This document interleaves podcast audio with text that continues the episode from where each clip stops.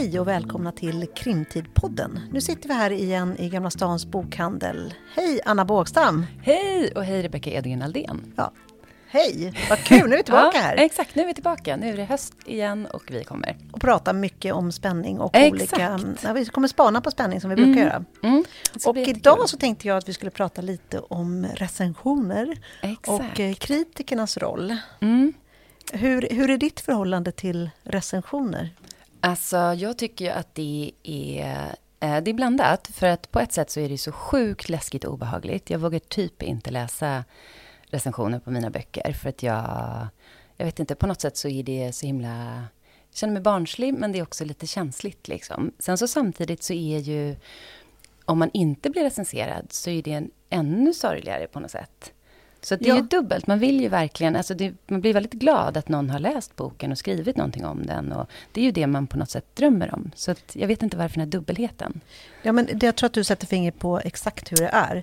För att eh, om vi nu, det finns ju två typer av recensioner skulle man kunna säga. Mm. Det finns ju eh, till exempel i Storytel-appen eller Bookbeat-appen Ja, att folk kan det. skriva in vad de tycker efter att de har lyssnat på boken. Det är ju Exakt. en typ av, Ja. säga, eh, en röst om vad de tycker om boken. Men Mm. En, en, vad ska man säga, det låter så fel, men riktig recension är väl Ja. kanske då någon som är publicerad av en riktig kritiker. kan man ja, säga men så? precis. Eh, Jo, men det och kanske då- man kan säga. Ja, men jag tänker så här som man i, i en en, i en, en riktig tidning eller... Ja, jag tänker som Ja. Nisse Scherman på Ja. Deckarakademin. Om han skriver någonting så känns det kanske... Man tar det lite mer på allvar kanske. Ja, men har inte det också väldigt mycket att göra med vem som är recensenten? Ja. Att man tänker att det här är en person med liksom Och i vilket sammanhang, kunnighet eller kunskap.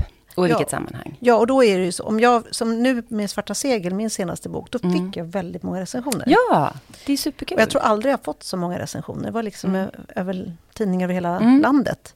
Och då är man ju, precis som du säger, enormt tacksam över att, att de överhuvudtaget Mm. uppmärksammas i liksom, riktiga tidningar. ja. Eh, Men jag håller med, man är ju supernervös. ja, jag vet. Och man dissekerar de där äh, meningarna. Att vara, ja. det, det kan Alltså, säga det det här- en liten, en liten eh, vad man säga, negativ mening. Och så är Men det den är det man det bara går runt man- och, Ja, jag och grubblar över. Det är så himla dumt att man fungerar så. Det är ju lite så här som vi har varit inne på ibland när vi eh, liksom pratar med varandra utöver denna podden. Att det känns ju, författarlivet känns ju lite ibland som att gå om högstadiet. Att man blir så himla känslig hela tiden i alla delar. Och ibland så tänker jag så här, men gud jag är en vuxen människa och eh, liksom, jag tycker ändå att jag har skilt min person från, från den boken jag har skrivit eller vad det nu är. Liksom. Och ändå på något sätt så är det så himla känsligt med, Mm. med recensioner. Det är Jo, märkligt liksom. Och jag tycker det verkar... Min spaning är ju också, för innan har jag tänkt att eh, liksom första gången man blir recenserad så är det kanske på ett visst sätt. Men de här supergarvade författarna som har liksom skrivit 50 böcker, men de verkar ju, liksom, det verkar vara precis lika jobbigt för dem Ja. ibland, när någon skriver ner en.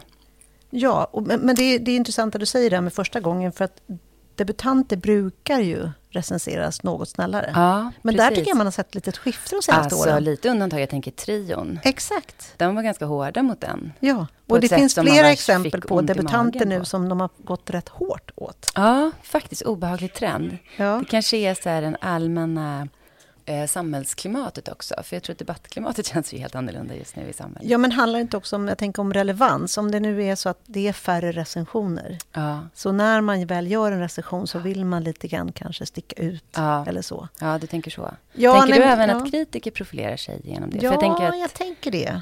eh, för en del tycker, alltså jag tänker en sågning blir alltid mer delad än en eh, väldigt positiv Ja, recension men på något lite så tänker jag. Att det är mer intressant med en kritisk recension än... Mm.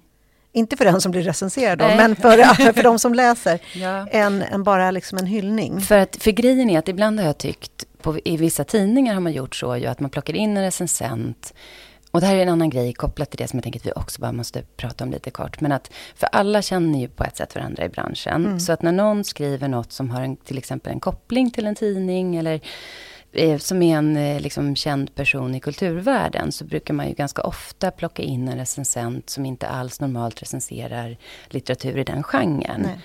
Och jag tänkte på det till exempel. ehm, Alltså det har ju varit ganska ofta, framförallt med genrelitteratur, att de kanske har tagit någon recensent då som är inom situationstecken från liksom mer finkulturell värld, eller man ska säga. Och då Mm. kan det bli en ganska hård recension. Och som Ja. kanske handlar om så här, jag som recensent gillar inte den här genren, typ. Nej, men Och så blir det liksom krigsrubriker. Ja, men exakt. Och sen har jag faktiskt undrat, för jag har en bekant som just jobbar nära en tidning. Ja, Och blev ganska hårt åtgången av den här externa just recensenten. Och då undrar man, är det så att man är lite extra tuff om man kommer in Ja, och recenserar som gästrecensent? ja precis. Ja, jag tänker också på, när jag lyssnade på Förlagspodden så var ju Mm. Lasse Winkler väldigt irriterad på eh, att han hade upptäckt i Alex Schulmans senaste bok så hade, hade Alex tackat Ja, Åsa Bäckman. Och Ja. tyckte liksom att det här det är så grötigt att alla recensenter, Att den- alla kulturjournalister känner författarna. just det. Men det är ju så. Jag menar, det gör ju du och jag också. Vi känner ju också en massa Ja, journalister vet. och Eh, kritiker. Ja, men precis. Och det blir ju det för att man rör, liksom rör sig i samma värld på något Mm. sätt. Så det är lite ofrånkomligt att det blir så. Mm. Alltså jag recenserade ju tidigare, Mm. i, också i tidningar. Inte alls liksom på någon hög nivå, men jag skrev till exempel i Damernas Värld, eh, Mm. bokrecensioner. Och jag, det går inte längre när man är författare. Nej, det är skitsvårt. Eh, I vår systerpodd, vad vi pratar om när vi pratar om böcker, så pratar vi ju om böcker som vi Ja, läser. ja. Det är inte en recension, utan det är mer ett boksamtal. Ja. Och handlar ju om att vi har läst en bok och vill prata om den. Mm. Eh, och där ibland så tycker jag att det är svårt, för ibland så tänker jag efteråt så här, men gud, den här personen som har skrivit den här boken, om det är en svensk författare, Mm. kommer jag säkert träffa i något sammanhang, Ja. eftersom jag rör mig i den här världen. Ja. Men sen försöker jag tänka själv också att jag tycker, eh, vad gäller den podden, så här, hela meningen med den är ju för att, för att det är roligt att prata om böcker man läser och om litteratur. Och jag tycker att det är liksom det starkaste skälet till att jag är med är ju dels att vi har kul, men också Mm. att jag tycker att det är så viktigt att det finns boksamtal och att Ja, det är ju ett sätt att liksom hylla litteratur. Ja, men det är så jag gör nu. Jag, jag Liksom sågar aldrig en bok, utan däremot så lyfter jag upp de som jag Ja. tycker är bra. Men det, det påminner lite om, jag är med i en bokklubb. ja, Och då är det en kille som är med där. Eh, han är läkare, så han har ingenting Ja. med det här med Ja. liksom författarlivet att göra. ja. Men han ger alltid typ femmer. Och så säger han alltid, men herregud, de har ju skrivit en hel bok. ja, exakt. Det är jag, fint. jag, jag kan känna lite så också, sen jag själv Mm. blev författare. Att Ja, herregud, vem är jag att hålla på och komma här och gnälla? Ja. De har ju faktiskt skrivit en hel bok. ja, exakt. Mm. Mm. Men det här är kanske för oss in... Eller vi ska kanske... Jag vill bara höra, har har du någon specie, speciell recension som du liksom minns? Eh, ja, men jag, alltså, jag har inte med mig den hit så jag kan inte återge exakt vad det står. Men den, det som jag, liksom, hela känslan med den var så här, och det gällde min första tryckta bok, Ögonvittnet. Mm. Eh, och på ett sätt så var ju det liksom väldigt mycket för mig som en debut, även om jag hade gjort en ljudbokserie tidigare. Och då var det liksom, jag var så, det var så himla inte förväntat. Och helt plötsligt var det en kollega till mig på mitt helt andra jobb, där jag jobbade under ett annat namn i en helt annan värld, som bara, men gud Anna, förlåt men din bok är ju recenserad i Svenskan idag. Och då fick jag ju så här panik. Och sen så blir det ju också när man är då i en annan värld där människor inte alls förstår alltså, hur, det, hur det känns. Så var det ju direkt att hon bara kom springande med den. Mm. Så då tänkte jag också så här, och nu blir det också jättejobbigt att jag, jag kommer hamna i högstadiet igen, men ska jag också vara i en så här jätteprofessionell relation med en helt formell annan jurist, som Ja. inte alls förstår Mm. det. eh, men, och den var väldigt fin, så jag blev jätteglad. Men det är liksom, ehm, det var, då var det så sjuk grej att det var liksom första gången en stor tidning skrev något. Och jag tyckte att det var så overkligt att se mitt namn där och min Mm. bok. Och att, de, Mm. att han, personen som skrev det här verkligen hade läst boken. Man bara, herregud, jag tänkte aldrig att det skulle hända på något konstigt vis. Mm. Så det har jag liksom väldigt starkt minne Ja, av. men jag förstår. Mm. eh, den känslan på något sätt. Mm. Och det är ju verkligen stort om det händer. Det är det verkligen. Och det finns ju en recensent som man alltid väntar på när man är spänningsförfattare. Ja, exakt. Det är som... Recensenternas Ja, det är inte recensent. bara vi författare, utan det är liksom förlagen också Ja. sitter som på nålar och väntar Varje till, lördag. väntar till lördag och bara Mm. "Ah, Kommer de? Alltså Ja. min senaste bok, det tog jättelång Ja. tid innan den... Och det var varje lördag var jag där och Ja. tittade. Liksom. Ja. Och bara, kommer den? Kommer Ja, den? Kommer man den? hoppas och vill. Jag tänker Ja. att alla spännings... För så tycker jag också när vi pratar med spänningsförfattare. Allas dröm är så här att någon gång få bli... Hamna i den här... På lördagen, i Mm. den, Mm. hos den här rec- recensenten. Och att det är liksom ett mål och en dröm. Och jag har de som har liksom gett ut massa böcker och sen så händer det här plötsligt. Och då Ja, men det är det inte liksom det, det spänningsrecensenternas recensent? Jo, det är det. Det är det verkligen. Ja, och vi- vad vem vi pratar om då, det är ju förstås Lotta Olsson. Ja, och henne har vi ju bjudit hit idag. Ja, så vi har ju så mycket himla, himla frågor till henne. Mm. Ja, eh, hon skrev jättefint faktiskt om min senaste. Det var inte så mycket ja. värdeord egentligen, det var bara positivt. Och då får man vara tacksam för att hon ändå Exakt. lyfter den. Exakt. Eh, så ja, jättefint. Mm.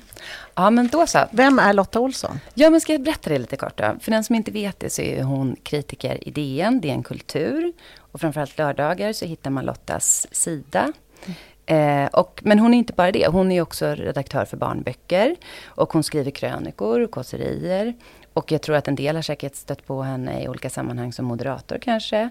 Eh, och hon är ju verkligen den stora, liksom, spänningslitteraturens stora recensent. Ja. Men så vi säger varmt välkommen till Lotta Olsson.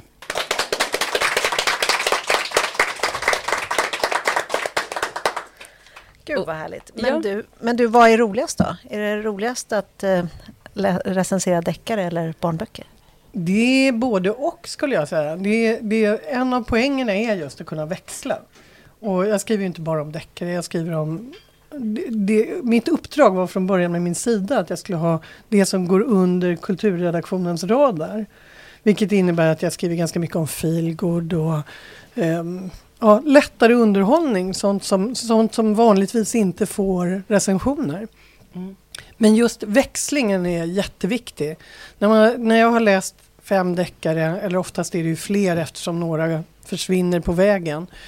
Eh, för att de, jag inte vill skriva om dem. Och då är det jätteskönt att dyka ner i barnböcker eller något helt annat. Det går oerhört mycket på lust.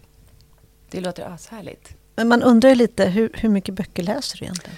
Jag brukar räkna med, det är den vanligaste frågan jag får faktiskt, men mm. mm. det, eh, det, jag brukar räkna med att jag måste läsa mellan 2 och 3 tusen sidor i veckan.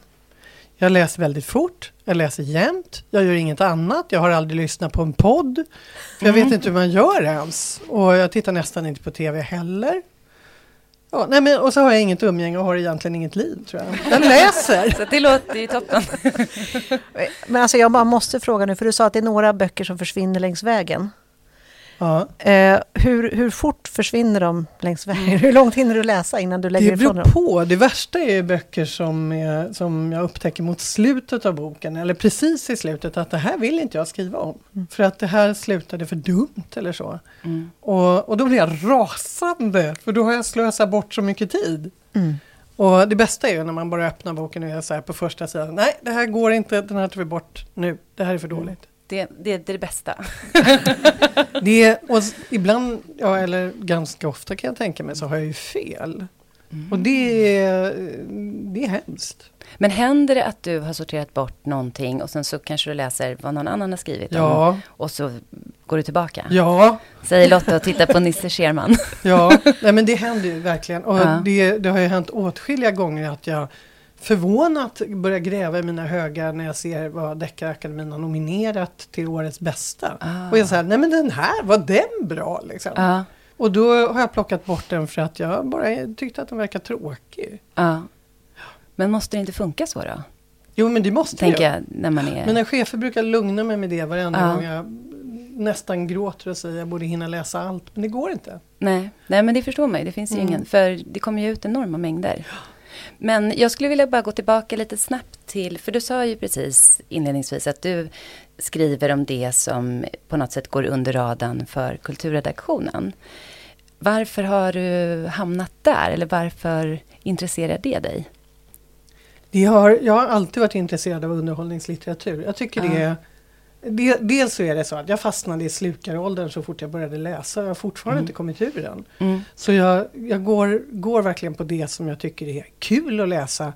Och uh, ganska länge så kämpade jag med att läsa det som recenseras på kultursidorna. Och finns ju många som kämpar med det. Ja, kan man känna. Men, det, men det är så tråkigt att behöva kämpa med böcker. Ja. Jag tycker det, och det finns mycket, jag menar, jag skulle ju inte hoppa över Kerstin Ekman. Och det, det, en massa av klassikerna hör till mina favoriter och sådär. Mm. Doris Lessing är nog min absoluta favoritförfattare. Nej, det är nog Ursula Le Guin. Nej, det är nog... Ja, nej, ni vet. Men, det finns några. Eh, ja, det finns mm. några. Eller Griffith. Mm. Eh, men, men det är... Det är fortfarande... underhållningslitteraturen som, som jag återvänder till. Och det, här mm. var ju, det här var en möjlighet helt enkelt. Det var så att vi höll på med en stor omorganisation på det. Allting är sådana här eh, slumpgrejer egentligen. Det var en mm. omorganisation, det fanns inte plats för mig på kulturredaktionen. Söndagsredaktionen högg mig och sa gör en sida, skriv mm. som Inga Lill Mosander. Och jag som är jättedålig på att läsa Aftonbladet var så här, ja visst. Sen bara, och, vem är Inga-Lill Mosander? Jo men det visste jag. Det, det hade ju varit rätt svårt att undvika. Men jag tittar inte på God kväll heller. Nej. Men, eh, men hon, hon och jag träffas nu då och då och, och pratar igenom litteraturen sådär. Ja. För att hon också har den här glädjen med att mm. läsa. Mm. Men de, då hade jag en chef i alla fall på DN Söndag som var så här. Gör en sida i veckan, du får aldrig bli sjuk. Skriv om det som går under kultursradar. Och jag var så här, ja visst. Och så skrev jag en sida i veckan med nio böcker i veckan. Det och det är helt ofattbart. Alltså. Ja. Och det, det gjorde jag i tre och ett halvt år. Nu är jag nere på så fem böcker varannan vecka och folk tycker fortfarande att jag läser jätte, jättemycket. Men du läser en bok per dag, eller Ja, det gör jag ungefär. ungefär. Mm. Men och då är det liksom först en sållningsprocess, att du börjar och så kanske du ratar tre och så hittar ja. du någon som du fortsätter med. Eller jag måste, jag måste sortera så fort det kommer in. Det kommer in så otroliga mängder böcker. Och, ja. eh, då, så jag börjar med att sålla, göra en första sållning. Det här kommer jag aldrig att skriva om. Det verkar fruktansvärt trist. Eller ja. ser ja, ser inte bra ut. Det här egenutgivarna faller ju ofta på att det, det, det, man ser att det här är en bok som aldrig har passerat en redaktör. Ja. Mm. Och, och det, det är hemskt, för det, ibland är det ju... Jag har ju den här favorithistorien om hur det ringer en förläggare på ett småförlag en fredag eftermiddag och är så här, har du läst den här boken? Vi har en väldigt bra deckardebutant här. Och jag är så här, nej men du, om du visste hur många som ringer. Och så medan han pratar så hittar jag boken under Stenhög och lyckas lirka ut den utan att högen välter över mig, vilket händer ganska ofta. Ja, Min vanligaste yrkesskada är där, att jag får ja. en boktrav över mig. Men. Och ja. paper cuts förstås. Ja. Och så säger jag, ja men jag ger henne en chans för att jag, det är en sån himla tjatig redaktör han, ja. och han låter så snäll. Han lät som herr Åmar i Ture Sventon. Ja. Det vore mig en stor ära om ni ville läsa den här boken. Ja. Och, är det, och är det tips att man ska... man ska låta som herr Åmar. Och sen ska det helst då vara en bra bok. Och det här var Martin Montelius första bok. Ah. Och jag började läsa den på tunnelbanan hem. Och som jag hade lovat, så här, jag läser ett kapitel, men sen kunde jag inte släppa den. Ja. Och ja, det, så, det. så, så var en huvudtext veckan efter. Ja. Mm. Författaren jag, blev glad. Jag tänkte på nu när du sa enorma mängder. Du, när Nisse kom in, när Nisse Scherman kom in så ropade du och frågade hur många var det nu igen? Ja. Det vore ju ganska kul att få med det i podden. Hur många, hur många deckare? 359 deckare fy, förra året. Och i år Svenska original. Och sen är det 100 översatta ungefär. Mm. Och det brukar vara mitt stalltips. Det här känns inte så bra att säga just nu då, men, men ja, om man är deckarläsare så ja. är det ju mycket bättre att gå på en översatt. Om man ska leta efter någonting, och någonting nytt att läsa. Ja. För det är ju det är de bästa som kommer hit. Mm. Ja. Medan här har vi mycket större utgivning och man, det är mycket större risk att man tar fel. Men, eh, och jag tänker också kopplat till det, så här, vad, för då, du har ju under väldigt lång tid läst det mesta, kan man säga. Nej. Okej, inte... Jag har läst ganska lite. Det blir ett drygt hundratal deckare per år. Det är inte mer jag läser. Alltså. Ah. Men du... kanske mer, 150. Men du har ändå ganska bra hum ju, kan man säga, om vad som ges ut. Och... Ja, kanske. Hur är känslan där? Ser man liksom trender i, ehm, i, genre, ja, i spänningsgenren? Vad är det för rådande trend nu Ja, men nu är det där. Seriemördaren är ju tillbaka. Ah. Det är jättetråkigt. Ah. Det är, eller framförallt så har det blivit mycket blodigare. Ja. Och det tycker jag är ganska synd. Ja. För det, det, är inte så spännande när Nej. det plaskar blod överallt. Och det, jag har någon sån här... Det var, I någon bok är det en av poliserna, är det väl, en utredare i alla fall av något slag, som får benen avsågade och sen så sätts de tillbaka till nästa bok och då känner man så här, nej men det här var väl ändå lite... Och, och det, oftast så blir det bara, det blir bara det blir bara slafsigt. Man känner ja. sig som om man står på ett slakteri. Liksom. Men är inte det en trend som har pågått ett tag? Det var en... Den har kommit och gått, Ja, ja. 90-talet var ju mycket seriemördare. Patricia Cornwell så här, ja. med ja, de Scarpetta jätte... som hackade grönsaker Exakt. hemma och lik på jobbet. Ja. De läste jag väldigt mycket. Mm. Men om du själv, om, vad är det du mest fastnar för? Vilken, vilken av liksom alla undergenrer i, inom spänningslitteraturen är det som mm, du fastnar för? Jag nämnde ju Ellie Griffiths och mm. det är nog det är en av mina absoluta favoriter. Åsa Larsson förstås, men mm. hon är ju favorit för alla. Mm. Ja, men Ella Griffiths är, är nog... lite, lite mera ja. åt det mysigare hållet. Och så är jag ju sorgligt anglofil. Är, men jag tycker att jag har en ursäkt. Jag bodde faktiskt i England som barn. Men, men det, och så växte jag upp med Agatha Christie och Dorothy Sayers. Och det var, det var liksom de första deckarna jag läste. Mm. Och, och då blir man väldigt präglad på det här. Pusseldeckare, lite stillsamt, mycket miljöskildring och sådär. Mm. och mycket folk som tänker om moral. För det är ju, det är ju både Christie och Sayers mm. är ju otroligt moraliska kristna. Verkligen. Mm. Du har ju också tagit upp en trend bara nyligen, det här med presens. Ja. Jag tyckte det var lite spännande. Kan du berätta om det? Det är någonting du har ja, sett det, att det har kommit det, mycket nu. Ja, det, det, var, det är Keplers fel tror jag. Ja. Det är verkligen det. det ja. de, Lars Kepler började ju med att skriva i presens. Nej, de var inte först heller. Det Nej. fanns innan dess förstås. Men, men det har blivit mer och mer presens och det förvånar mig lite grann. Jag är mycket för det här, det var en gång. Det är en mm. gång har inte samma klang. Liksom. men till Måns Kallentoft skrev också de här Malin, vad heter de? Malin Fors? Malin Fors, ja precis. Mm. För de var också i presens här för mig. Och det mm. blir en annan stämning. Det, det händer någonting i texten. Var det inte till och med så att det var någon, var det Sofie Sormand som skrev om sin första bok till Pressresa. För att hon hade läst Lars Kepler? Ja, förlåt, det här kanske Det sa hon någon gång? Jag har för mig att det när var de satt på scen ja, tillsammans? jag har för mig att det är något sånt, att det finns, ja. att det är kanske fler än hon som har, när man har fått chans att redigera, ja. liksom, att skriva om det i presens. Men jag tänker att det handlar om ljud också. Mm, precis att presens-trenden är lite ljud.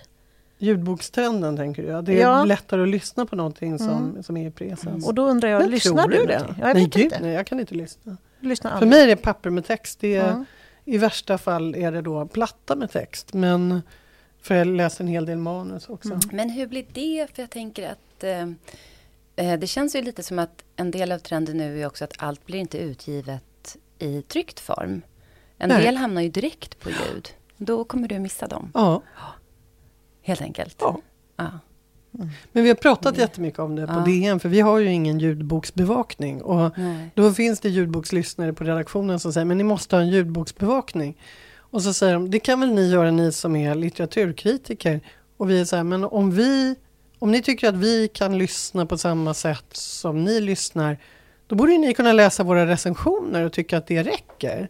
Så det mm. är uppenbarligen skilda medier. Mm. Och, och det, jag tycker det är svårt. Jag, tycker, eller jag, jag har försökt, jag försökt ja. ett helt år. Ja och lyssna på deckare, men, men det gick att, inte. Jag tänker också att man blir jättefrustrerad om man är en van läsare och läser snabbt. Och, ja, det var det som då, hände. Jag tänker då, jag började, det, jag var, varför lyssna på någon som läser det Nej, sälja ens öron? Men det, jag, jag började med att lyssna och så tipsade någon på redaktionen mig om att man kunde skruva upp hastigheten. Ja, så att man får och att ha Kalle Anka i öronen. Liksom. Det förstår jag inte alls på. Det ändå förstör lite upplevelsen. Ja. om det ska vara och så. så försökte jag så här, gå ut och promenera och höll på att ramla ut för ett stup för att jag kom in för mycket i boken. Jag förstår verkligen inte hur man Nej. kan lyssna på böcker. Jag, jag, kan inte. jag tror att det är väldigt mycket en vanesak. Men, att, eh, men om man ändå är en liksom, van och snabb läsare så blir man nog bara frustrerad. Det går alldeles jag. för långsamt. Det, tar ju, ja. det kan ju ta tio timmar att, att lyssna på en bok som tar mig tre ja. timmar att läsa. Ja. Är det din eh, snitttid för att läsa en deckare? Det, det beror ju lite på hur långa de är. Ja, ja det är klart. men, ja, nej, men när, jag har sett att när jag, när jag blir riktigt entusiastisk, då är det 100 sidor i timmen. Ja. Det är oj, faktiskt oj. hysteriskt. Det är jätte, jättesnabbt. Det är ju jättesnabbt. Ja. Ja. Men ser du någon trend i det då? För jag tycker nu bara senaste året har det kommit ganska många tjockare böcker igen. Att de, eller, ja. eller tycker du att det är liksom, är de ungefär lika tjocka sen som de senaste tio åren? Jag tror det, alltså vi har ju olika idéer om varför de blir tjocka. Jag, jag anser ju att det är Elizabeth Georges fel, för hon mm. skrev sina tegelstenar och sen började alla andra också göra det för att det mm. var jätteviktigt med miljöskildringen och exakt vad de handlade i affären och sådär. Men, eh, men sen tycker jag också att det finns lite grann en motsats nu. Mm. Att det, det också dras ner en del. Så det, det, är olika vad man vill med böckerna. Tror jag. Mm. Verkligen. Och just de här som är lite långsammare i tempot. De kan ofta vara tjockare. De som är så här eh, återvändardeckare ute på landet, tillbaka till ens egen ungdomstid eller barndom. Omvärdera vad som har hänt jag älskar ju den sortens deckare. Mm. För det är, det, är, det är som att läsa någon slags psykoanalys. Liksom. Folk återvänder och, och inser vad som egentligen hände i deras barndom och sådär. Men de kan bli rätt långa. Mm. Medan en del av de här actiondeckarna går ju rätt... Ja, kan komma ner i åtminstone 300 sidor, vilket är ganska lågt idag. Mm. Medan mm. Agatha Christie höll sig på under 200. Mm. Men den Hon fick allt sagt ändå. Ja, eller hur? Ja, ja. gud. De är, mm. går ju väldigt snabbt att läsa dem också. Ja. Men just den här återvändartrenden, den har man ju sett. Den är ju stark. Den, den, den verkar som att den stark, inte alltså. tar slut. Nej, men det är väl för att vi är så urbaniserade. Det är så spännande med folk som åker ut på landet.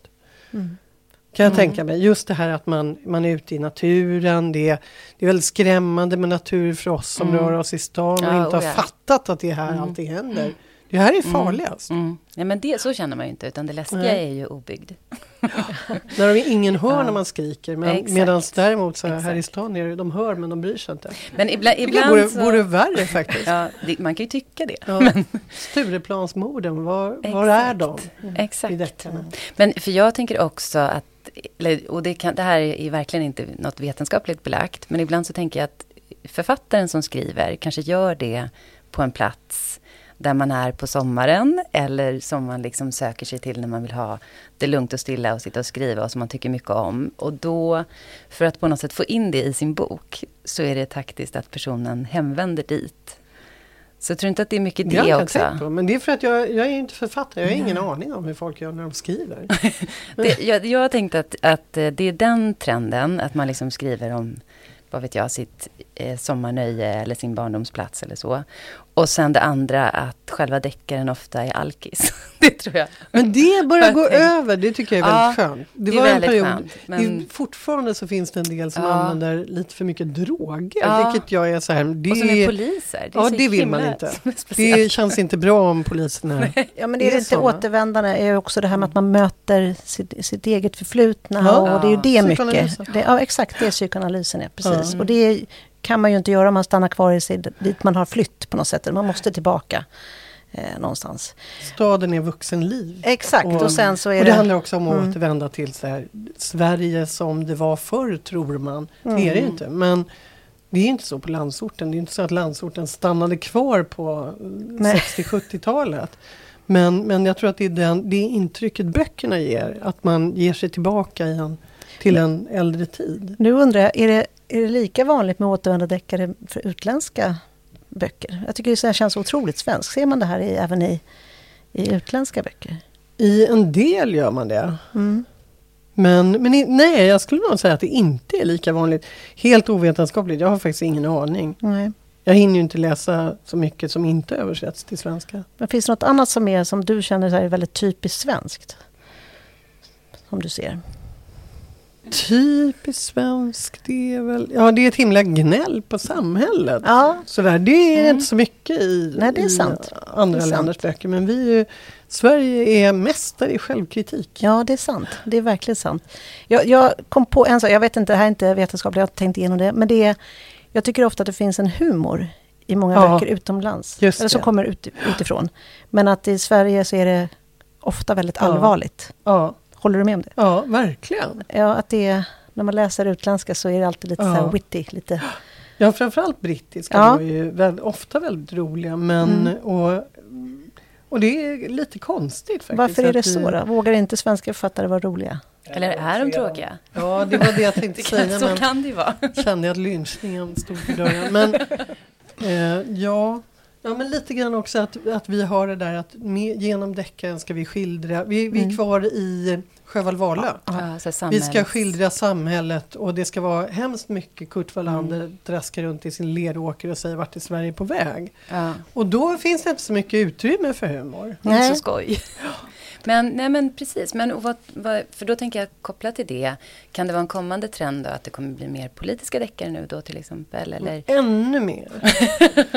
ja, men de, och de är ju inte uttalat ja. politiska. För nej. det verkar nästan alla deckarförfattare ha förstått att man, man ska inte ha en tydlig politisk linje för nej, då får man färre det. läsare. Ja. Men, men det finns ju väldigt, det är väldigt många som plockar upp gängkriminaliteten just nu. Ja. Och eh, skildrar den som om... Det är, det är en ganska otäck trend tycker jag. För ja. det, det låter som att alla råkar ut för gängkriminalitet var de än är i mm. Sverige. Det finns mm. alltid en utanförskapsförort. Och, och det, det ger en slags felaktig Sverigebild skulle jag säga. Ja. Inte bara för utländska läsare utan för oss. Ja. Men jag, jag, håller, jag håller verkligen med. Ja, faktiskt. Jag håller verkligen med. Att man, mm. Ska man försöka vara realistisk så är det bra om man läser lite statistik först. Så att man ser att det fortfarande är vanligare att folk ja. är fulla ja, och slår ihjäl ja, jag tänkte, Om man tänker hur många som mördas på Gotland. Det är, ja. det är inte liksom rimligt heller. Nej, verkligen inte. Eh. jag säger bara Fjällbacka. Ja, eller Fjällbacka, herregud. Livsfarlig plats att bo på. Jag har aldrig varit på västkusten så jag känner att jag kommer inte åka dit. Det är många Nej. som mördar där. ja. Men och hur är det med trenden, tänker jag, som handlar om eh, hotet utifrån eller terror eller eh, liksom kalla kriget kopplingar? Ja, det är inte det... min starka sida. Jag det gillar inte du? Nej, det, äh, det, det fanns många skäl mm. att bli upprörd över att Ryssland plötsligt klev upp och var Sovjet igen. Mm. Men ett skäl är faktiskt att det kommer komma mycket fler spionromaner igen. Och det är så mm. himla tråkigt. ja. Det är verkligen så här folk som går runt och gör ingenting och ser dystra ut. och det, nej, det är inte min sort. Men det kommer men mer. Det, det kommer ja. mera såna här, eh, mera attentat. Mycket militära. Ja. ja. Väldigt många militära thriller ja. tycker jag. Mm. Det, ja, det känns inte som en stark undergrupp. Liksom. Hur har det varit med pandemitrenden då? Har ja, den... men det har kommit en del faktiskt. Ja, för jag tycker det har ju ändå en del jag har läst där, där man ändå förhåller sig till pandemin eller så i det svåraste är de som man ser att de är skrivna under pandemin ja. men de visste inte hur det skulle gå. Nej. Och det kan verkligen vara så här, nej det, det blev inte så där, hörru du. Ja men och det, är, det, det, tycker jag när man skriver att det är svårt att förhålla sig till. Så här, ska, man, ska pandemin finnas med eller inte? i det, det man skriver. Liksom. De flesta verkar ju välja att förlägga sina deckare precis före. Ja. Eller strax det... efter. Jag tänker ja. Pernilla Eriksson, hon flyttade fram Just den några, några år. Ja. Mm. Så det är ju, på något sätt så tänker jag att, att eh, det kommer komma fler sådana eller det, kom, det händer ju saker hela tiden i samhället men som kommer på ett eller annat sätt speglas i spänningslitteraturen. Mm. Det, det, det, är bra om det går några år. Och det är mm. ett problem med deckarna tycker jag. Att det är, mm. Ofta är produktionen så snabb. Och särskilt ja. nu. Så att man ska försöka vara så aktuell som möjligt. Och man ja. hinner inte tänka efter. Nej, men hur, och, hur är det när du följer en författare och de kommer nu en gång om året? Hinner du ja. med att läsa alla dem? Nej, inte alltid. Vissa läser jag ju faktiskt allt av. Mm. Och mest för att jag vill hänga med, så där, se vad de håller på med. Men visst är det snabbare utgivningstakt nu? Det är mycket snabbare och det är deppigt tycker jag. För det mm. syns också, det blir väldigt en del blir väldigt snabbproducerade och man ser just att de ska fånga upp pandemin och de ska fånga upp Sverigedemokraternas framgångar och det, det, det blir bara någon slags ytlig spegling av, av det vi skriver i tidningarna vilket inte alltid heller ger en bra bild. Av, det är, herregud, det kan jag inte säga, det låter illojalt. Men, men ibland känner jag att journalister kanske mm. har lite fel fokus. Absolut. Kanske alla kan känna ibland, tänker mm. jag, som läsare. Ja. Även om vi på Dagens Nyheter ja. naturligtvis alltid gör rätt. Ja. Eh, men jag tänker på när du säger nu att du läser så mycket och så, och du säger att du älskar, du gick, slukarrollen gick aldrig över. Men är det så att du verkligen njuter när du läser nu? Eller är det ett jobb? Ibland är det ett jobb, ibland är det verkligen urträligt. Och framförallt det där när jag, när jag in, börjar bli väldigt trött på kvällen och har 300 sidor kvar som jag måste läsa en bok som jag inte tycker var jätterolig. Men mm. det är någon som är så pass viktig så jag känner att jag måste få med den på nästa, mm. nästa tipssida. Men överraskande ofta så blir jag så här jag, jag hetsläser. Mm. Och det är så många kvällar när jag faktiskt inte släcker förrän boken är slut. För och det brukar vara tråkigt på morgonmötena när jag står och klipper med ögonen sådär. Men, för att jag varit uppe för sent och läst. För annars så tänker man ju att det låter som drömmen, att man liksom jobbar med att läsa böcker. Det är det. det är ju... Ibland är det en mardröm, men ah. ofta är det en dröm. Bara jätte, hur hamnar man där? Det, jag är ett omplaceringsfall. Jag började ja. i sätteriet 1987. Det är en ja. sätteri. Och sen la de ner sätteriet och skolade om oss. Ja. Och jag vet inte riktigt. Jag vad, sa att jag, vad gjorde man på sätteriet? Eh, det, är sätteri, man... det är då man... man i, I mitt fall var det så att jag satt och skrev in text som journalisterna hade skrivit på sina gamla haldor med pekfingervals. Så att jag skrev in i dator och la in ah. styrkodet i datorn. För att skulle se rätt liksom, ut. Ja, ni vet hur ja, det är. Hur det ser ut när man nu, sätter text. Det här på, liksom. ja. ja. Nu finns ju det här på var, varje dator. Men då var det bara vi som kunde det. En yrkeskår som är borta nu. Mm. De mm. fanns faktiskt när jag började som journalist. Mm. Men mm. de försvann bara något år efter. Vi var 400 mm. i DNs sättarklubb. Ja, men det är helt otroligt. Okej, så du var ett omplaceringsfall? Ja, ja. de gjorde, de gjorde ett intelligenstest. Och där, det, det var 1993 och det tror man ju inte, men det gjorde de. Eftersom arbetare var lite korkade. Så här. Vi skulle inte få besudla redaktionen om vi inte var tillräckligt smarta. Gud. Och så frågade de vad vi ville göra på redaktionen om vi nu hade klarat den här gränsen för... Jag vet inte vad de hade för intelligensgräns, jag har inte vågat fråga. Men, det skulle vara eh, roligt om de gjorde på alla. Alltså ja, de som, redan, ville. Men jag tänkte även de som var på redaktionen redan. Nej, så alltså man... det vi föreslog det. Men ja. vi sa att ni kanske skulle kunna rensa exakt, lite där. Exakt. det tyckte de var en jättedum idé. Det ja, visste tråkigt. ju alla att journalister var begåvade av sig själva. Ja, men, eh, men så frågade de vad vi ville göra och då sa jag att jag vill sitta i ett mörkt hörn och aldrig träffa en människa. Och då satte de mig på Namn och Nytt-redaktionen. Och sen eh, sökte jag till kulturredaktionen som barnboks, eller barnkulturredaktör. Uh-huh. Och hamnade där. Och eh, blåljög. De ville ha någon som kunde barnteater barnmusik och inte bara barnböcker. Och jag som bara kunde barnböcker var så här, nej men barnteater det är det bästa jag vet. och, och, lyckades få det jobbet, det var ingen annan som var intresserad. Det är, barnböcker ja. är ju låg status. Liksom. Ja, det har jag heller aldrig förstått. Men, ja. Men, men är det fortfarande det, känner du? Att det, att det är sämst? Ja, men det är det ju. Det är, både barnböcker och deckare är ju eh, och underhållningslitteratur är ju fortfarande... Det, och det, man, det är väldigt lätt att bara bli arg. Men, mm. men det är också att det, det, har varit en historisk tradition. Man har recenserat det som har betraktats som den viktigaste litteraturen. Och så har man tänkt att masslitteraturen, det läser folk ändå. Mm. Och barnböcker har alltid betraktats som någonting man läser för att kunna så småningom förstå viktig litteratur. Mm. Och som tur var så hade vi Astrid Lindgren som faktiskt höjde barnlitteraturens status enormt. Mm. Alltså. Men det är mm. fortfarande så att det är väldigt många som inte förstår varför man skulle läsa barnböcker som vuxen. Mm. Medan jag aldrig har förstått varför man skulle sluta. Nej. Så det är ju jätteroligt Exakt. med barnböcker. Ja. Men hur är det på redaktionen idag då? Känner du att du jobbar med det som är lite mindre statusfyllt? Jag känner att jag är lite udda mera. Mm. Tror jag. Men sitter man på redaktionen, ja. räknar man eh, klick och så på vad ja. läsarna har liksom? Fast det är ju så, skriver man litteraturkritik ja. så är man inte så jätte det är inget klickmonster Det är innan. mycket bättre att skriva om Kanye West eller mm. Kardashians. Liksom.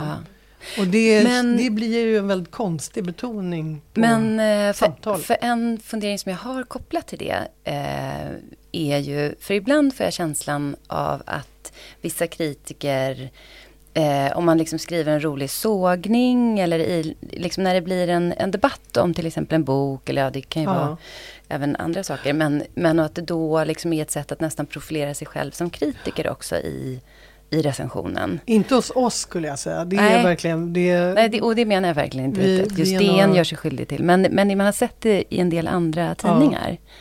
Ja. Är det liksom en, en grej då? Ja, jag vet inte. Seriösa litteraturkritiker ska inte hålla på med sånt. Men det är klart att man, man ser också att de de plockar upp, det har hänt mig några gånger också att de har varit så här, men men det här, det, om du är lite argare här, kan ja, du vara lite argare? Exakt. Du är ändå arg på det här. Ja. Och så, För att sätta och så en, rubrik, en liksom. gång så har jag faktiskt gått på det och förstärkt den recensionen. Jag ska inte tala om vad det var, ja. men, men det, var, det, det är en sån där som jag ångrar djupt. Att jag, jag vill inte det. Jag vill inte skriva på det sättet. Ja. För det, det, det är inte bara att förelämpa författaren utan det är också att förelämpa alla läsare som älskar de här böckerna. Just det. Och, och det tycker jag är, för mig är det jätteviktigt. Och särskilt när det gäller deckare som ändå är lågstatusgenre. Ah. Att det gäller att inte bli för negativ för då förstärker det mm. den dåliga statusen. Mm. Och då blir det ännu mer massmarknadslitteratur. Och det, man måste se det där maktförhållandet. Ja. Så du det, står lite på deckarförfattarnas sida där då? Ja, jag står på genrens sida. Det är något mm. annat. Alltså. Ja. Mm. Tycker jag. Och, men, de, också, men de har bett dig faktiskt att vara lite mer Det har hänt en gång och det var en redaktör som inte jobbar där längre. Så, mm. så det, ja. Nej, men det är ju mycket, man vill ha, det, det har ju kommit med klicken också. Att det, mm. det, blir, det, det, finns en vilja någonstans att få mer, att, att göra det mer eh, polariserat. Mm. Jag tycker det är dumt. Jag mm. tycker det borde vara tvärtom. Men vad, får du mycket reaktioner? Händer det att författare kontaktar dig ja. eller att läsare? Ja. ja. Eller förlag? Ja. ja allt. Och, och, vad säger de då? Eh, författarna säger, ja men jag har 2000 böcker i garaget. Hur ska jag få dem sålda om inte du skriver? Ja, de vill att, du ska, de vill att du ska skriva. Någon har, någon har hört av sig och varit så här, jag grät hela min releasefest över din recension. Och det var så hemskt. Så. Oj, och den uh. författaren kommer jag aldrig att kunna skriva om Nej, igen. Det, för, för jag kommer blir... bara se det där gråtande ansiktet framför mig. Mm. och Nej, usch, det, överhuvudtaget så är det så. Man får vara försiktig uh. med... Nu har jag väldigt dåligt minne för ansikten, vilket är jättebra uh. i mitt jobb. Jag kommer inte att komma ihåg er Nej. efter det här. Nej, det är toppen. Så jag kommer inte att se toppen. några ansikten framför mig. Men, men man får... Vi är ett litet land och det gäller att inte in, och hela tiden skriva med respekt för läsaren. Ja. Och inte med respekt för författarna. Mm. Vad säger förlagen då, om de hör av sig? Förlagen brukar vara, de brukar vara med på herr nivå faktiskt. Mm. Det är väldigt mycket så här, men uh, har du tänkt på att det här är en väldigt populär författare som nu ger ut sin 190 bok och sådär. Och jag säger mm, ni sa det förra året också. ja, så att de är mer så att de tjatar på att du ska ja. göra att du ska ja. recensera. Har du fått den här boken? Ja. ja, ni skickade den för tre månader sedan. Och jag sorterade bort den på en gång, säger ju inte jag då, utan jag säger mm. mm, vi får se. Mm. Men, det är, det. det är väldigt lite du, som känner, kommer in. Känner du att du har makt? Det brukar jag inte hinna känna riktigt. Mm. Och sen vet jag inte hur mycket makt man har. För det, jag vet att innan jag började skriva på DN Kultur, då var jag ofta nere på Hedengrens. Och där sa de att den, man märkte aldrig när någon på Dagens Nyheter hade skrivit en recension. Däremot om Mats Gellerfelt hade recenserat någonting i svenskan, då kom folk myllrande och skulle mm. köpa boken. Men det kanske var just där? På den ja, det boken. kanske var just Östermalm då. Ja. men, men det där, jag vet inte hur, jag hade också väldigt länge ett, en siffra från tidningens, tidskriften Svensk Bokhandel uppe som sa att det är typ en tredjedel som läser recensioner, de flesta gör inte det. En tredjedel och, av vad då? Av läsarna. Av läsarna, ah, okej. Okay. Mm. Och ju yngre de är desto färre recensioner läser de. Mm. Så jag tror inte jag har så himla mycket makt. Fast jag, då kan jag säga som författare att... Eh, la, la, la, nu lyssnar ja. jag inte. Usch! Nej, men jag tror att eh, alla vi som är författare, det är man, om man är spänningsförfattare så väntar man och säger kommer jag bli recenserad av Lotta Olsson? Det är lite så. Och förlagen är också så här, den kanske kommer nu på lördag. Du vet så. Det är ju det är också för att det finns så få ja, och var, ja. Och det är, är naturligtvis du är väldigt att... viktig för väldigt många spänningsförfattare. Det tror jag att du håller med om. Ja, absolut, absolut. Det tror jag alla håller med om. Men, men varför uh. finns det så få? uh, ja, för att tidningen inte satsar på det. Nej. Och varför, för, gör, varför gör inte tidningar det? För att det har varit, vi har, tidningsbranschen har haft en sån stor kris. De, ja, sen tyvärr sen började så jag undrar om det har något samband. Men eh, just det här att vi har varit, vi har varit tvungna att dra ner jätte, jättemycket. Mm. Och recensionsverksamhet är inte sånt som är så jätteefterfrågat. Jag vet att, jag har inte räknat på hur det ser ut, eller jag, vuxenböckerna har jag ingen koll på helt enkelt. Men jag vet att när det gäller barnböckerna så, så brukade jag räkna med att vi recenserade typ 150 böcker och så plötsligt var vi nere på 50. Och nu håller jag på att kämpa upp det därifrån då. Men det, vi har fått mindre utrymme, mindre pengar till frilansrecensenter och sådär. Mm. Men det här det är, är då svårt, DN, men jag tänker andra tidningar då? Andra tidningar har nästan lagt ner. Ja, exakt. Mm, exakt. Är, inte det, är inte det lite konstigt också? Vi hörde precis här att det var ännu fler svenska deckare i år jämfört med förra, eller nej, ja, jämfört med förra året. Och vi har det här svenska deckarundret. Det går... Fast det är inte relevant egentligen. Nej. Utan det är mer, handlar mer om utgivning. Ja. Men däremot att läsarna faktiskt... Det finns ju väldigt många borde, läsare. Ja, det är det, det jag. Där kan jag tycka att man borde kanske... Ja, nej, det värsta är att ibland så slår det mig det där att vad kul det vore om vi var fler bara på DN om det var någon som mm. kunde ta sig an alla de där som jag tycker är tråkiga. Mm. Mm. Som just de militära och terror och sådär som jag tycker är astrist, eller spionerna. Mm. Och det, John le Carré hade sina, hade sina egna recensenter kan man säga och det var en himla tur. För det var också mm. väldigt mycket spioner. Mm. Men eh, jag vet inte om vi är där ännu. Vi har ändå kommit långt alltså. Mm. Det är just för att jag får ha min sida. Jag får skriva jättemycket om deckare. Vi har väldigt mycket. Eh, börjar man räkna titlar så undrar jag om vi inte har väldigt mycket fler deckare än vad vi någonsin har haft. Mm. 50-talet var ganska stort också när Bang skrev recensioner i DN. Mm. Mm. Som också gick på lust för hon var ju mest ute och bevakade omvärlden. Just det, mm. precis, precis. Men du sa att ni är få. Men du sa också att du träffade Inga-Lill Mosander ibland. Ja. Och det gör du fortfarande. Pratar ni då om, om, om böcker och om ja, era gud, recensioner? Och, ja. Är det några fler som ni har i det där lilla nätverket? Ja, Deckarakademin förstås. ja. Nisse som har sin blogg. Mm. Som, vi pratar ju väldigt mycket och håller koll på varandra just sådär. Eller jag håller koll i alla fall. Dust Men, Ja, Dust Magasin mm. som också har deckarrecensioner som Ja, det, men däremot så är det jättesvårt att hålla koll på vad som skrivs ute i landet. Mm. Mm. Tycker jag. Är ni ofta oense då? Om någonting? Nej, inte, inte fast jag kan komma på ett par tillfällen Kvällen när vi faktiskt har varit riktigt oense.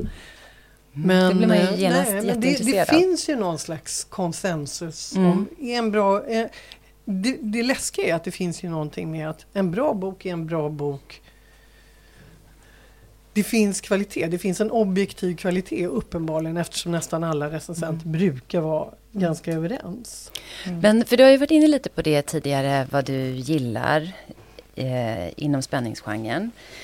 Eh, men liksom, när blev du... Eh, vilka kvaliteter tycker du en riktigt bra deckare måste ha för dig? Och när blev du liksom wowad senast?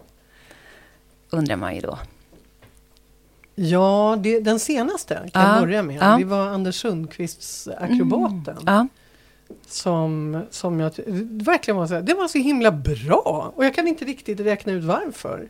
Mm. Det var hans andra. Ja, det är hans ja, andra bok. Den kom mm. förra året med Återvändare. Ja, precis, mm. precis. Mm. Och eh, som blev nominerad till bästa debut. Mm. Och eh, det, då funderade jag just mycket. Vad, vad är det som gör det? Men samtidigt, samtidigt så vet jag ju att det finns deckarförfattare som gör verkligen alla fel man kan göra. De kan inte skriva sven begriplig svenska, de slarvar med gestaltning, miljö, all, tempo, allting och ändå faller man för någonting. Mm. Det, det är jättesvårt att säga. Det är, det är en helhetsbedömning man gör. Det vet, mm. man ju, det vet ju alla läsare, att det finns böcker som man fastnar i fast man inte riktigt förstår varför. Mm. Och så finns det böcker som man lägger ifrån sig fastän de känns som att de verkligen borde vara rätt. Finns det någon du har liksom ändrat uppfattning om också? Som du eh, till exempel blev väldigt arg på först men ja. sen ändå kände att du tyckte om? Eller finns det någon sån? Liksom? Ja, de stora brukar ju verkligen variera synen på. Mm.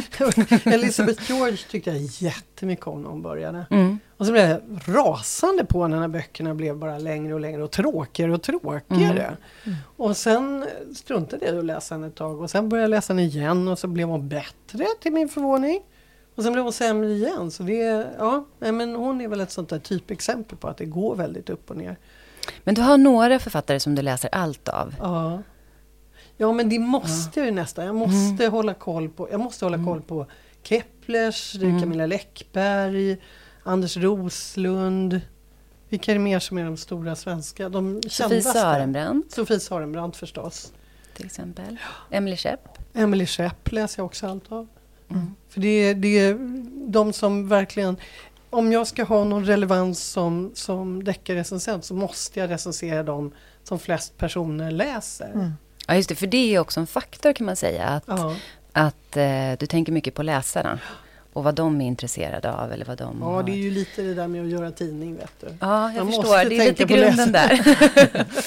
Åsa Larsson läser jag allt av, men hon ja. ger inte ut så himla mycket. Så det är inte så ofta. väldigt skönt. Ja. det är ett tips. men, ja. om, men om du, jag tänker, om vi bortser från de här stora. Kan du pinpointa någonting som man inte ska göra som författare. Någonting som, ah, nu gör de sådär och det där, jag står inte ut med det, nu lägger jag ifrån mig den. Ja men det, det tror jag också jag skrev om för några veckor sedan. Just det här som jag blir galen på när man... Ja, med cliffhangers skrev du. Nej, det? men det är någonting med... Det, ja, det är en form av cliffhangers, men det är en sån dum form. Mm. Det där man får följa huvudpersonen precis, man får gå... Man får vara huvudpersonen liksom. Och så plötsligt så kommer den där blinda fläcken. Huvudpersonen står och stirrar på ett papper och är så här det här förändrar ju allt, men vi får inte reda på vad som händer. Men vad är det människan ser? Och så rusar den iväg och gör en massa saker och mm. gärna liksom ut på landet ensam med en person. Ja, utan mobil, ja, eller kanske dåligt. Och mobilen ja. dör precis. Mm. så här. Då, mm. Man vet ju vad klockan är slagen så att säga, mm. men, men just det där att man inte får reda på mm. någon liten avgörande detalj, det blir jag galen Ja, jag blir också galen på.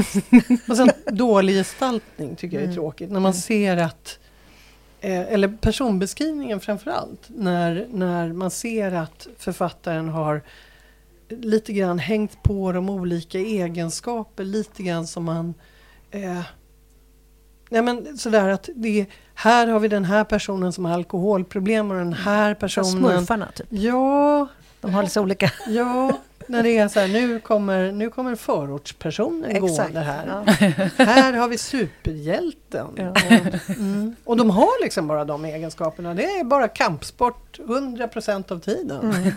Men känner du då någonsin då att, men gud, det här skulle jag kunna ha skrivit bättre själv? Nej, faktiskt aldrig. Jag har aldrig velat skriva någonting? Jo, gud ja. Jag går och hittar på historier hela tiden. Jag, framförallt om jag inte kan läsa om jag är i ett läge där jag inte kan läsa. Möten till exempel brukar vara så här. Det ser illa ut om man tar upp en bok. Så då, då brukar jag stå och hitta på historier. Gärna liksom ta livet av olika chefer. På mötet. Skoja så att det där var en långpratare. Så här, mm. mm. Men är det någonting du skulle kunna tänka dig att göra? Att jag tror inte jag skulle vara så bra på det. Nej, okej okay, varför då? För att det är en helt annan sak. Är, mm. jag, är, jag är tidningsskribent. Jag är van att skriva kort och fort och, och inte hålla ihop en hel intrig. Det vet jag inte om jag skulle klara. Nej. Och det är också, jag tycker det är en poäng. Det är någonting med, jag är bara recensent. Jag är inte den där som kan vara så här, det här skulle jag ha gjort annorlunda. Vilket är så här, ja nej men det kan man väl göra men då är det en annan bok. Mm. Ja, men bra. Mm. Men frågan är om vi ska börja jag, släppa in publiken? Jag tänkte det. Jag vill bara ställa en sista ja. fråga, för tiden börjar ju bli så knapp. Och det är egentligen, vilken är din allra bästa deckare genom tiderna som du har läst? Har du någon sån?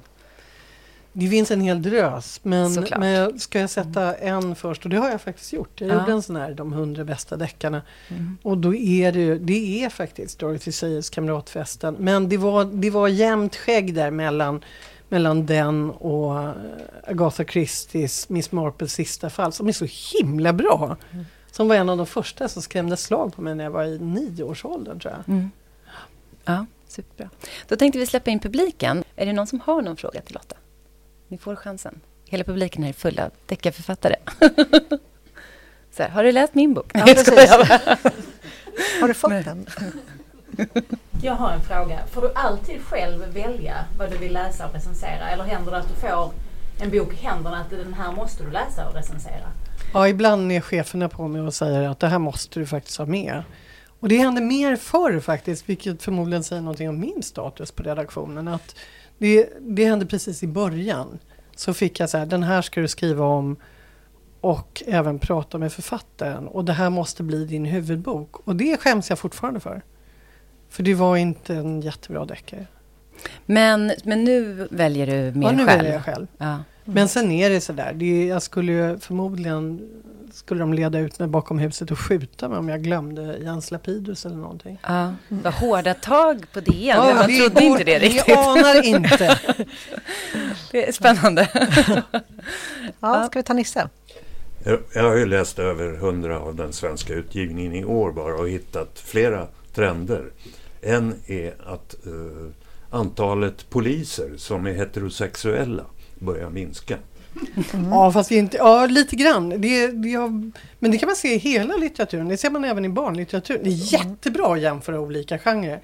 Mm. För, och även i underhållningslitteraturen för övrigt. Där har det just att det har dykt upp väldigt mycket homosexualitet och även som vi har varit med om att det finns binära personer. I, Exakt, författaren skriver ju om och det, det har ju inte det, det fanns ju inte förut, det gjorde det inte. Men men en fråga kopplat till det. Eh, har du känslan att eh, barn och ungdomslitteratur är lite mer, eh, jag höll på att säga woke, som är ett begrepp jag inte ens själv gillar, men, men att man är mer, liksom snabbare på att, att anamma liksom eh, eh, trender kanske är fel ord, men att, att liksom... Lyfta upp sådana? Ja, att lyfta upp den typen av eh, karaktärer eller frågeställningar eller så. Och att, att deckarna, liksom, eller spänningslitteraturen är lite fast i... Ja, men det är det nog. Det finns, det, det finns fortfarande äldre typer av deckare som är ganska fast i de här, mm. ja i typ gamla könsroller och, och just den här den alkoholiserade manliga mm. polisen och, som ofta tar upp de här fördomarna på ett sätt som, just det här, man vänder sig till vuxna. Ja. Ellie Griffiths är ju asbra på det med sin, med sin sturiga polis Harry Nelson som, som får stå för allt det äldre. Det här, det här älskar jag med Ellie Griffiths. Och mm. även med Jussi Adler Olsen mm. som kan ha en äldre manlig polis som har alla de där fördomarna som man vet finns ute i samhället och som kan diskutera dem. Det gör man ju inte i barnlitteraturen. Där mm. försöker man ju istället att låtsas som om det inte finns några fördomar, vilket mm. är ganska dumt tycker jag. Mm. mm. Absolut. Nisse, hade du något mer där? Nej, jag kan nämna att uh, i Griffiths nästa bok så åker ju hjälten till Sverige. Fint. det brukar ju alltid vara svårt, säger jag som tänker på Alexander McCall Smith som började skriva om Malmö. Och då plötsligt börjar man ifrågasätta hela Damernas detektivbyrå för beskrivningen av Malmö var så helt absurd. Ja, den var helt knasig. ja, vi har en fråga längst bak. Ja, brukar du tänka någon gång varför har inte den här deckaren skrivits i någon kontext, någon person, någon, något tomrum som du går och väntar på ska fyllas? Ska jag upprepa den frågan? Det är, eh, om Lotta brukar tänka på om det finns något tomrum som behöver fyllas. Varför har inte den här deckaren skrivits? Jag är, jag är ju ganska fantasilös känner jag i det fallet. Så jag missar Jo men det, jag tänker på ganska mycket det här vardagslivet. Jag vill ha jag skulle vilja ha mycket mer vanliga människor, lärare och sjuksköterskor och byråkrater. Ja, byråkrater, det, för, älskar byråkrater, ja, alldeles för få. det Kristin Appelqvist ja, i Klänning för korta kvinnor det. var ju Dels mm. var den helt oblodig, vilket var underbart, och dels så var den Just det här att den beskrev en myndighet. Exakt, det är mitt bästa. Eh, den här deckaren vi har mellan oss, Allt är mitt, där finns det ju också en byråkrat med. Det tyckte jag var underbart. Ja. Bara säga. Norska Rut Lillegraven, den är jättebra. Ja, jätte, jättebra.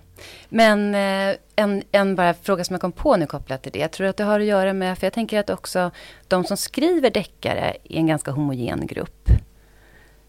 På många sätt. Alltså jag tänker att ganska många deckarförfattare är ju eh, har lite samma utbildningsbakgrund. Eh, man tillhör lite samma, jag vet inte om man kan prata om klasser i samhället, men det är liksom... Jag skulle ju tycka att det var jättespännande om det fanns andra som skrev deckare också. För jag tänker att jo. det skulle liksom sätta en annan prägel på innehållet. Fast det säger vi med litteraturen ja. generellt. Att vi vill ha in mycket, mycket fler perspektiv och sådär.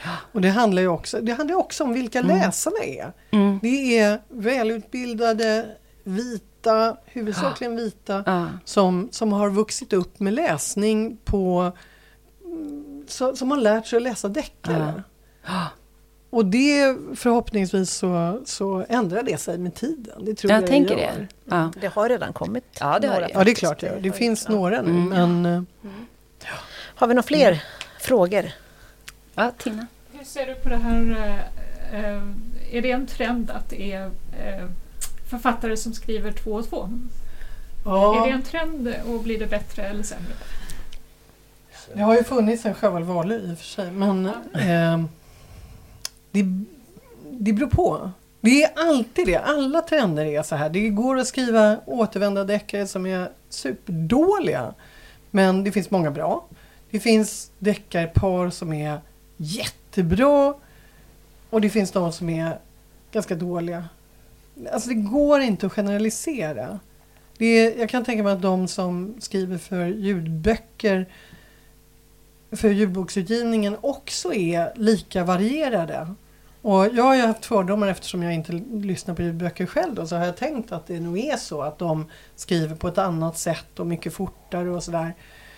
Och jag är inte säker på att det stämmer. Jag, jag vill ju ha mer forskning. Vi kan, vi kan inte ha, ha det så som vi har att det är bara Karl Berglund som sitter och räknar. Vi behöver fler som sitter och räknar. Karl Berglund är litteratursociolog i Uppsala. Han har bland annat skrivit Död och dagishämtningar som jag alltid stöttar mig tungt på. Det är han som säger till exempel att det, bara är, det är nästan bara är överklass och trasproletariat skulle jag säga som en gammal mm. marxist. Det gick mm. över kan jag säga också. Mm. Eh, det är nästan bara de klasserna som syns. Mm. De här vanliga människorna syns inte. Mm. De, med, medelklassen syns väldigt sällan i deckarna. Mm. Men nu, jag måste fråga om, märker du att, och då tänker jag bara vanliga deckarförfattare, har anpassat sitt språk efter ljud på något sätt? För alla det kommer ju ut på ljud. Det, att det faktiskt var, för jag tyckte jag såg jag såg just att det blev ett förenklat språk som jag, och, och väldigt mycket dialog. Mm. Men, eh, men jag, det, det, var faktiskt en, en ljudboksförläggare som rättade mig där och sa det är inte så. Jag är fortfarande lite tveksam. Det känns mm. som att en del av de nya skriver mycket, mycket för direkt för ljudboksutgivning på mm. ett sätt som inte gör dem så himla läsvärda. Och det är synd. Ja. Det är jättesynd. Mm. mm. mm. Ja, har vi någon till fråga? Nej, men det var väl, då tycker jag då vi, vi ta, rundar av här. Ja, tack så jättemycket för att du eh, kom till podden Lotta. Tack för att jag fick komma hit. Och tack till publiken som kom.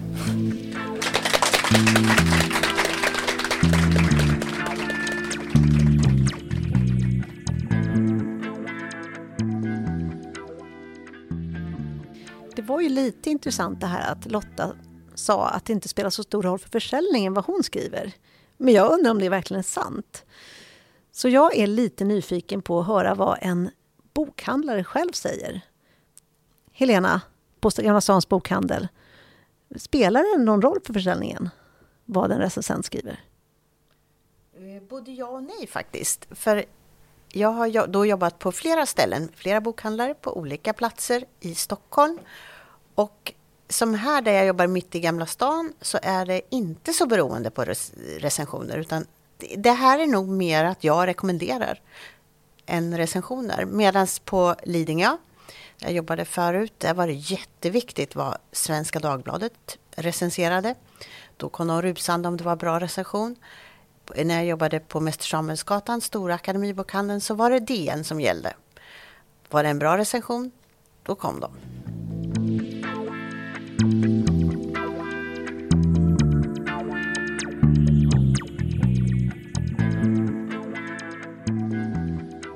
Vad roligt det var att det kom så mycket folk. Ja, Hela Gamla stans bokhandel var ju ja. full av, av publik. Och full av deckarförfattare. Ja.